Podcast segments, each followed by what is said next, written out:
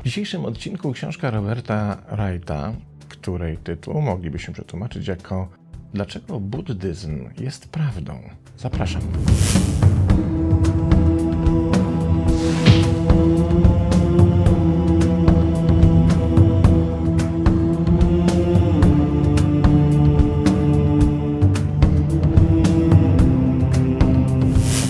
Razem zacznijmy od wyjaśnienia pewnej kontrowersji, która pewnie się pojawiła, kiedy tylko wypowiedziałem tytuł tejże książki. Otóż czym innym jest możliwość czerpania z danej idei, na przykład religijnej czy tradycyjnej, a czym innym jest namawianie do tego, by stawać się wyznawcą tej idei.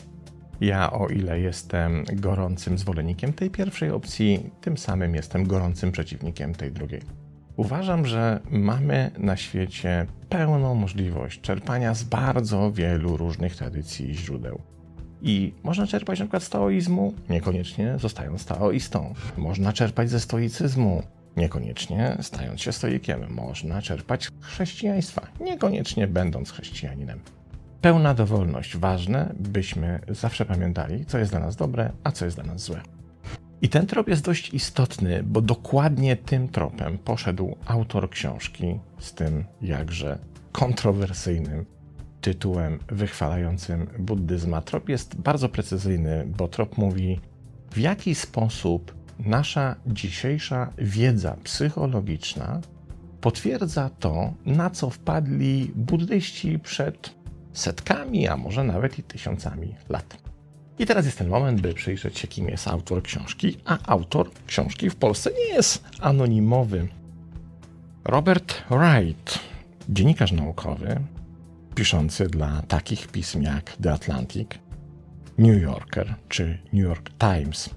Ale co najważniejsze, jest autorem wielu doskonale sprzedających się książek popularno-naukowych, w tym książki, która została opublikowana w języku polskim i nazywa się Moralne zwierzę, którą w Stanach wydano w roku 94, czyli już bardzo wiele lat temu, i która do dzisiaj, uwaga, nazywana jest Biblią psychologii ewolucyjnej, w której to książce autor dowodził, że wcale nie jesteśmy tacy fajni pod względem psychologicznym jako ludzie i tacy milutcy.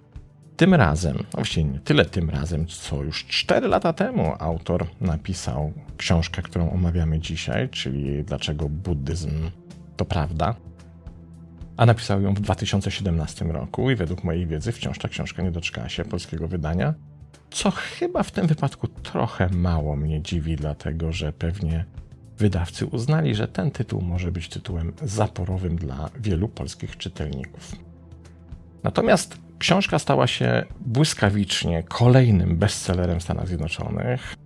Doskonale się do dzisiaj sprzedaje, mimo tego, że już jest 4 lata od jej wydania. Co ciekawe, do dzisiaj ukazują się artykuły inspirowane tą książką, jak na przykład tydzień temu Psychology Today artykuł, który poleca jej lekturę jako rzecz niezbędną do zrozumienia naszej dzisiejszej współczesnej kondycji ludzkiej.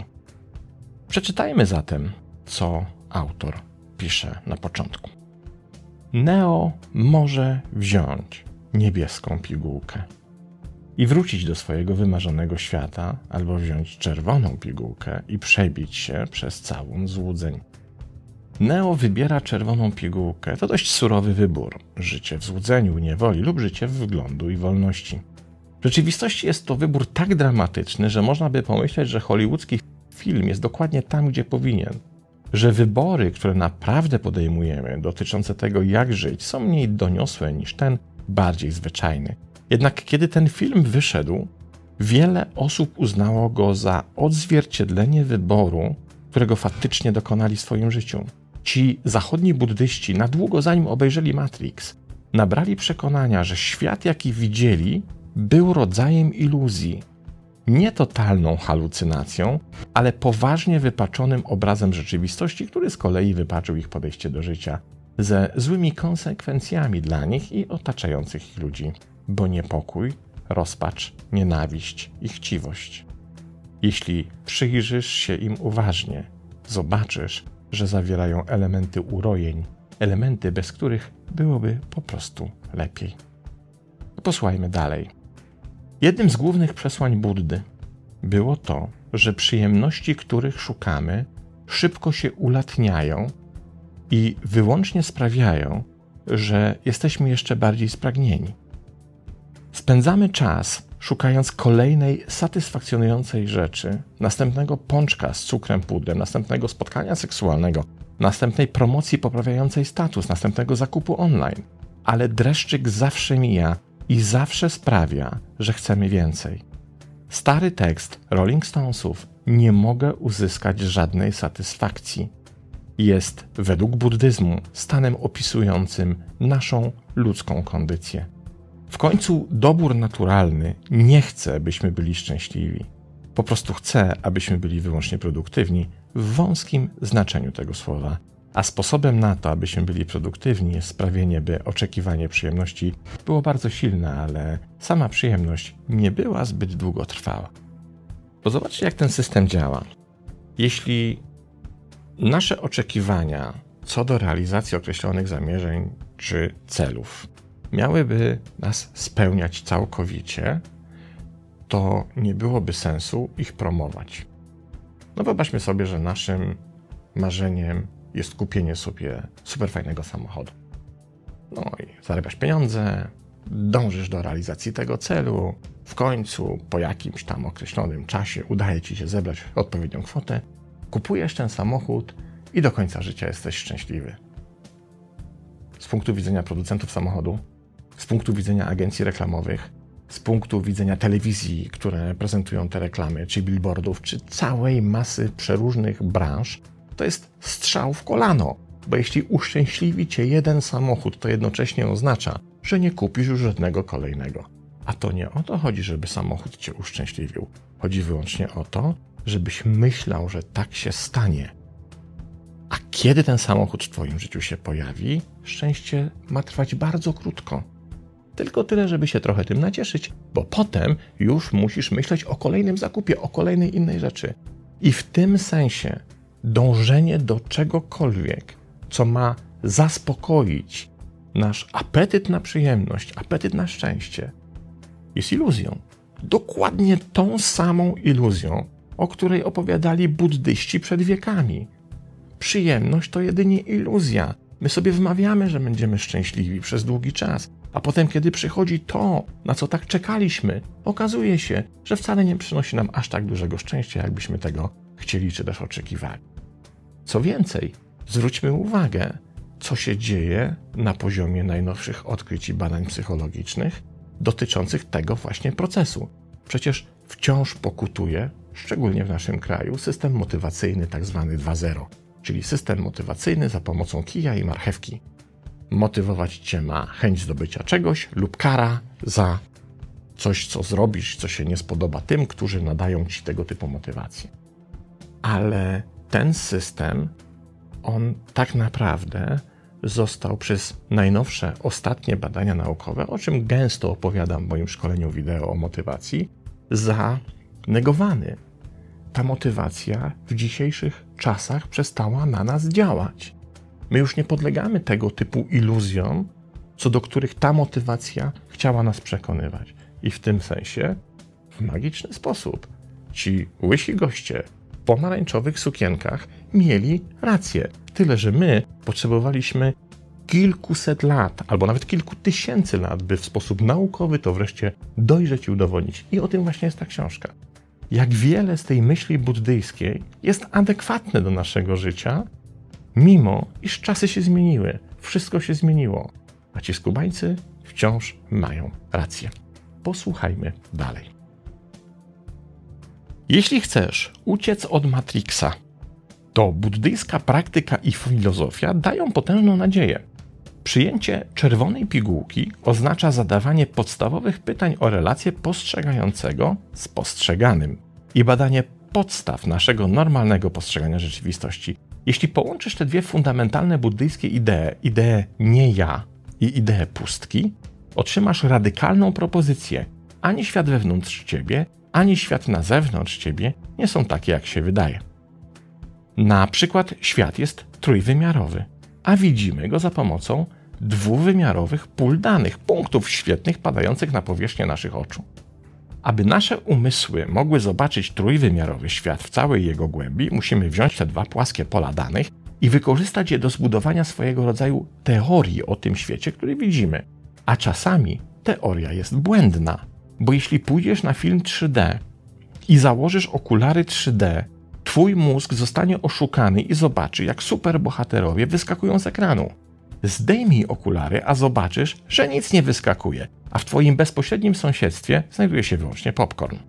Lub spójrz na bardziej staromodną iluzję optyczną, która sprawia, że myślisz, że jedna linia jest dłuższa od drugiej, podczas gdy w rzeczywistości tak nie jest.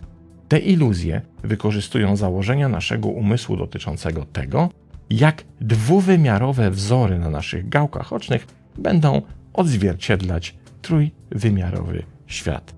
I znowu wychodzi na to, że buddyści, mówiąc, zresztą nie wiadomo czy nie powtórzywszy za Hindusami, co już dodaje od siebie, że wszystko jest iluzją, nie mieli racji, bo tak naprawdę to, co postrzegamy i co wydaje nam się, że widzimy, nie jest tym, czym to naprawdę jest. Jest jedynie obrazem w naszej głowie, jaki sobie zbudowaliśmy, by tę rzeczywistość zobaczyć, by tę rzeczywistość sobie wytłumaczyć i by w nią uwierzyć. I dokładnie w ten sam sposób bardzo wielu ludzi do dzisiaj twierdzi, że pieniądze przyniosą szczęście, że trzeba być bogatym, by być szczęśliwym. A potem nagle się okazuje, że bogaci wcale nie są szczęśliwsi od pozostałych, że ten współczynnik szczęścia w największym stopniu opisuje klasę średnią, czyli tych, którzy nie opływają w złoto i luksus, ale jednocześnie tych, którzy się nie martwią o to, co włożyć do garnka. Ci ludzie są najszczęśliwsi, a nie ci, którzy mają przepotężne środki, dochody, pieniądze i tak dalej, i tak dalej. Posłuchajmy dalej.